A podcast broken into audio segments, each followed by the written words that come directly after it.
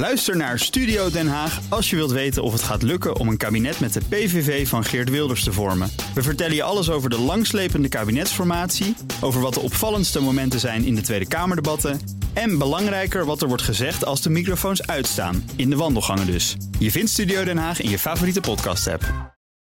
Het is eh, vier over half vijf. Goedemiddag. De Rotterdamse huisarts Sakib Sana kon het niet langer aanzien. De tegenvallende bereidheid om zich te laten vaccineren... in de zogenoemde kwetsbare wijk waar hij werkt.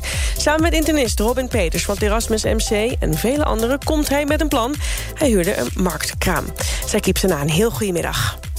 Een hele goede middag. De wijk waar u werkt, dat is Delfshaven.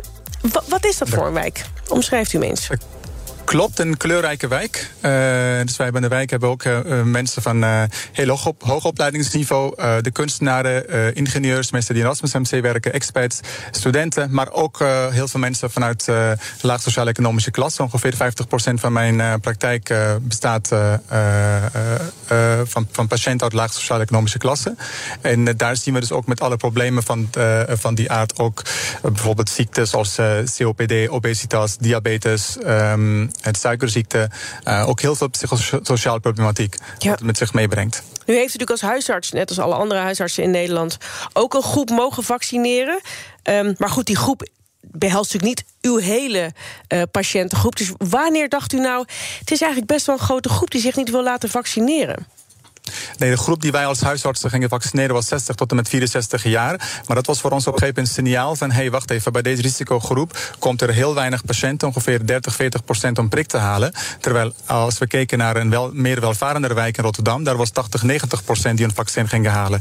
Nou, toen op een gegeven moment is we zijn achtergekomen van andere collega's ook gehoord dat hetzelfde uh, tafereel zich ook afspeelt in andere delen van Nederland, maar ook in andere delen van Nederland. Waarbij je ziet verschillen ziet tussen een welvarende wijk en, tussen de kwetsbare wijken. En terwijl het vaccin die wij toen gaven als huisarts hetzelfde was, was AstraZeneca toen. Maar ook uh, de uh, de nieuwsberichtgeving over bijwerking van AstraZeneca was ook hetzelfde. Maar, maar, toen zag je heel duidelijk dat een twee groep totaal een verschillende uh, keuze maakte. En daar was ook niet per se uh, wel of geen migratieachtergrond. Maar het verschil was dat de mensen de informatie niet goed konden begrijpen. Of niet goed doorhadden wat er allemaal gezegd wordt over de cijfers die om je hoort. Een, hoort van 1 op zoveel honderdduizend kans op trombose. Of het risico van dit en risico van dat. Kunnen mensen het niet heel erg goed met elkaar kunnen, ja, dat kunnen afvegen. Oh ja. Op het moment dat mensen het niet, niet goed kunnen afvegen, dan zeggen ze bij twijfel doen we het niet. Maar is dat, minister, is dat dan ook de reden? Hè? Want u, eh, wat is nou de reden dat die bereidheid, de, de vaccinatiebereidheid, echt fors lager ligt dan bijvoorbeeld in andere wijken in, in, in Rotterdam? Is het puur informatieoverdracht die niet goed aankomt? Uiteindelijk wel, uh, want wij mensen kijken natuurlijk ook stuk twijfel over vaccins. Want je hebt vaccins heel snel gemaakt. Binnen een jaar tijd uh, is een vaccin gekomen. Mensen hadden corona amper onder de knie en de maatregelen amper begrepen. Toen kwam er ook een vaccin erbij. En dan hebben we de termen als mRNA, zit vlakbij DNA. Wat doet hij dan eigenlijk? Dan hebben we een vectorvaccin, moeilijke namen allemaal. Nou ja, dus voor mensen best wel lastig. En zeker ook voor mensen die wat laaggeletterd zijn, mensen die taal niet machtig zijn, mensen met lage gezondheidsvaardigheden, mensen met uh, verstandelijke beperking. Nou, voor die mensen het lastig en heel abstracte begrippen. En als die mensen ook al een keuze hebben gemaakt, misschien toch wat angst van: oké, dan ga ik die vaccin wel nemen. Mm -hmm. dan hoor je weer in het nieuws allemaal over de, over de bijwerkingen en over yeah. de risico's van bijwerkingen. Ja, dat maakt voor mensen best wel lastig. En dan kan ik en u misschien wel die keuze makkelijker maken voor onszelf, maar die andere persoon wordt lastig voor ze. Had u al meteen een, een gedachte bij hoe deze mensen dan zou kunnen bijstaan? Nou, wat, wat voor ons was, voor mij, voor mij Robin Peters, we hebben toen elkaar tegengekomen. Hij is uh, van hoofd van COVID-afdeling in Erasmus MC. En we dachten van, oké, datgene wat in de wijk bij mij gebeurt, de lage bereidheid van vaccinatie, en zeker ook omdat mensen het niet begrijpen, dan op de, uiteindelijk gaan die mensen waarschijnlijk ook bij hem op de, uh, op de afdeling belanden. Toen zagen we, oké, we moeten proberen om die mensen, informatiestand van de mensen te verbeteren. Want het is niet ons doel om mensen te overtuigen. We willen ze graag informeren, want die keuze mogen uiteindelijk de volwassen mensen zelf maken. Maar ze moeten wel begrijpen waar, waarvoor zij ja of nee zeggen. Ja. En dat was toen voor ons maximaal op informatie inzetten. Ja, had u daar al enige ervaring mee? Want we weten ook op dat sommige plekken in Nederland sowieso de vaccinatiebereidheid laag is. Bijvoorbeeld um, ouders met kleine kinderen die, die hun baby's niet laten vaccineren. We weten dat het op mhm. sommige plekken laag is. Is dat bij u in de wijk ook zo of, of dat helemaal niet? Nou, er was, het was, uh, kijk, het vreemde is dat mensen, bijvoorbeeld in mijn praktijk hebben ook mensen van Turkse en Marokkaanse afkomst deels, maar die uh, de vaccinatiebereidheid in het land van herkomst juist hoog is. En, en terwijl in Nederland dat, dat weer van hetzelfde groep weer wat een, wat een lage kans zit. Nou, waar ligt het eigenlijk aan? Is het nou de wantrouwen? Is het nou wantrouwen in de informatie die zij vanuit de overheid mhm. krijgen? Wat is de reden? En wij kunnen natuurlijk als artsen niet overal bij iedereen gewoon volledige aandacht aan geven. Want bij, in de praktijk kost het mij soms drie kwartier om iemand te overhalen of iemand ja. informatie te geven.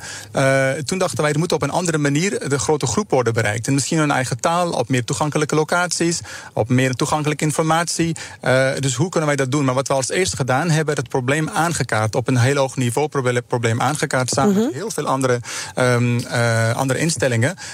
dat had wel na drie, vier weken, zeg maar. Toen kwamen wij van: oké, okay, alleen met aankaarten ben je niet zo ver. nee. Dan moet je ook wat doen. Ja, precies. En toen ja. stap nummer twee. Ja, dus u moet het echt zelf in eigen hand nemen. Je luistert naar BNR in de middag. De gast is de Rotterdamse huisarts Sakib Sana. Ja, en ik verklapte het al, eh, meneer Sana, in, uh, in mijn introductie van u. U heeft een marktkraam gehuurd. Dat dat is een vrij bijzondere oplossing. Nou, met een aantal collega's uh, uit Delfshaven hebben wij een collega huisarts, uh, ook, ook, ook medisch specialisten, hebben wij gewoon met de wijkgebiedscommissie hebben wij gewoon een marktkraam gehuurd. En daar hebben we gezegd van, zullen wij nou ook de mensen een vaccin geven als ze willen. Nou, we begonnen drie weken geleden eerst met al mensen uh, vaccin die wij als huisarts hadden, was AstraZeneca. Nou, dat was een bleek op succes te zijn. En de vaccins die overbleven, hebben wij via prullenbakvaccin.nl weer, weer weggedaan, zodat gewoon geen enkel vaccin is verloren gegaan. Maar de volgende keer dus kregen wij van GGD bij wijzensproef aantal Pfizer-vaccins. En het was dus u heeft sorry dat ik even interrupeer. U, u stond dus bij een marktkraam. Daar kwamen mensen naartoe. Uh, die waren op zoek naar informatie. Of u heeft ze aangesproken en ze voorzien van informatie. En heeft u ook ter plekke mensen zover gekregen om zich daar dan ook meteen te laten vaccineren? Ging het zo snel?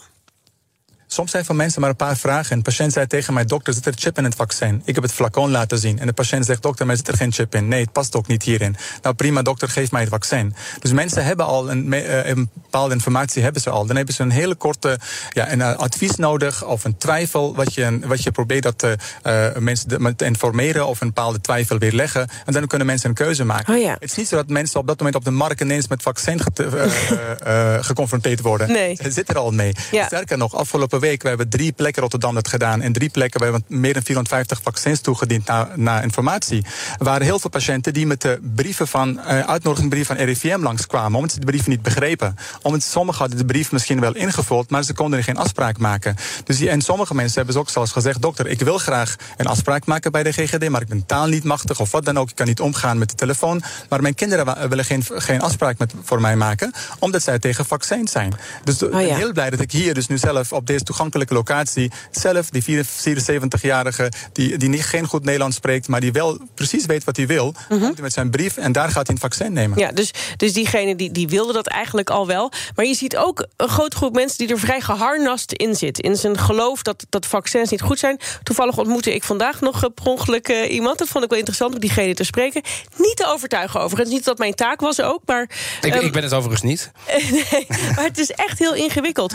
Hoe, hoe, wat is nou dan de truc bij mensen die er geharnast in zitten? Of zegt u dan van nee, dat, dat, dat heeft gewoon geen Zoals zin? Zoals die kinderen bijvoorbeeld van die 74-jarige patiënt van u... die dus blijkbaar niet in vaccins geloven uitleggen dat je eigenlijk een keuze maakt en een, een, een beslissing maakt voor het leven van anderen. Uh, dus dat ga ik, wat je aan het doen bent. Want die ouders zijn die zeggen van dokter, ik ben bang om corona te krijgen. Alsjeblieft zeg tegen mijn kind om voor mij een afspraak te maken. Dat is voor mijn eigen praktijk gebeurd. Maar nou, op, de, op de markt dan komen deze mensen met hun briefjes en gaan ze bij een arts staan en uh, die, die informatie in eigen taal wat dingen uitlegt. En die zegt oké, okay, ik, ik, wil graag dus het vaccin nemen hier.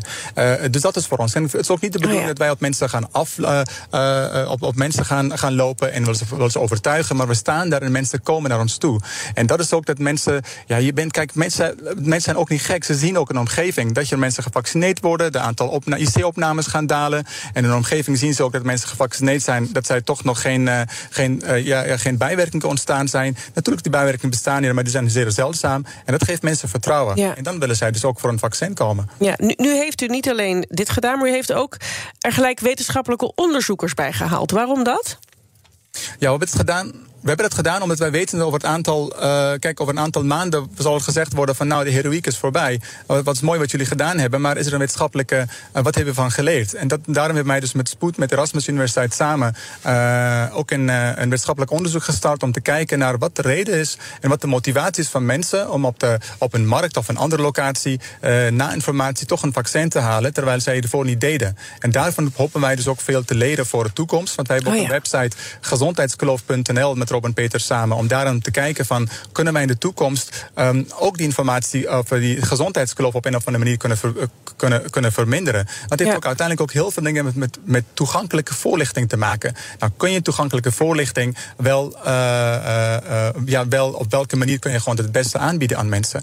En wat voor ons van belang is dat wij het nu van drie keer bewezen hebben dat het werkt. voor mij is het gewoon, ik zie al de mensen het heel blij weggaan en, en bepaalde behoeften hebben voorzien. En drie locaties is het gelukt, maar het is tijd gekomen dat het landelijk wordt opgepakt. Ook mijn oproep aan, aan, aan, aan, uh, aan collega's in andere delen van het land, aan lokale GGD'en, faciliteer de collega's die ook met hetzelfde, met hetzelfde idee rondlopen. Uh, faciliteer ze. Gaat ze alsjeblieft, help ze om dit heel snel ook zo'n marktkraam of een andere manier, een wijkgebouw, het allemaal neer te zetten. Zo moeilijk is het niet. Het is gewoon binnen een aantal dagen gebeurd. Maar we kunnen het niet, natuurlijk niet tot lengte der, der dagen het volhouden, want we zijn, we zijn ook artsen. We willen graag weer terug naar de spreekkamers. Dank u wel en succes, Sakib Sana, Rotterdamse. Ook Diana Matroos vind je in de BNR-app. Ja, inderdaad. Je kunt live naar mij luisteren tijdens de Big Five. Ook handig in de BNR-app. Breaking nieuwsmeldingen, maar ook het allerlaatste zakelijke nieuws.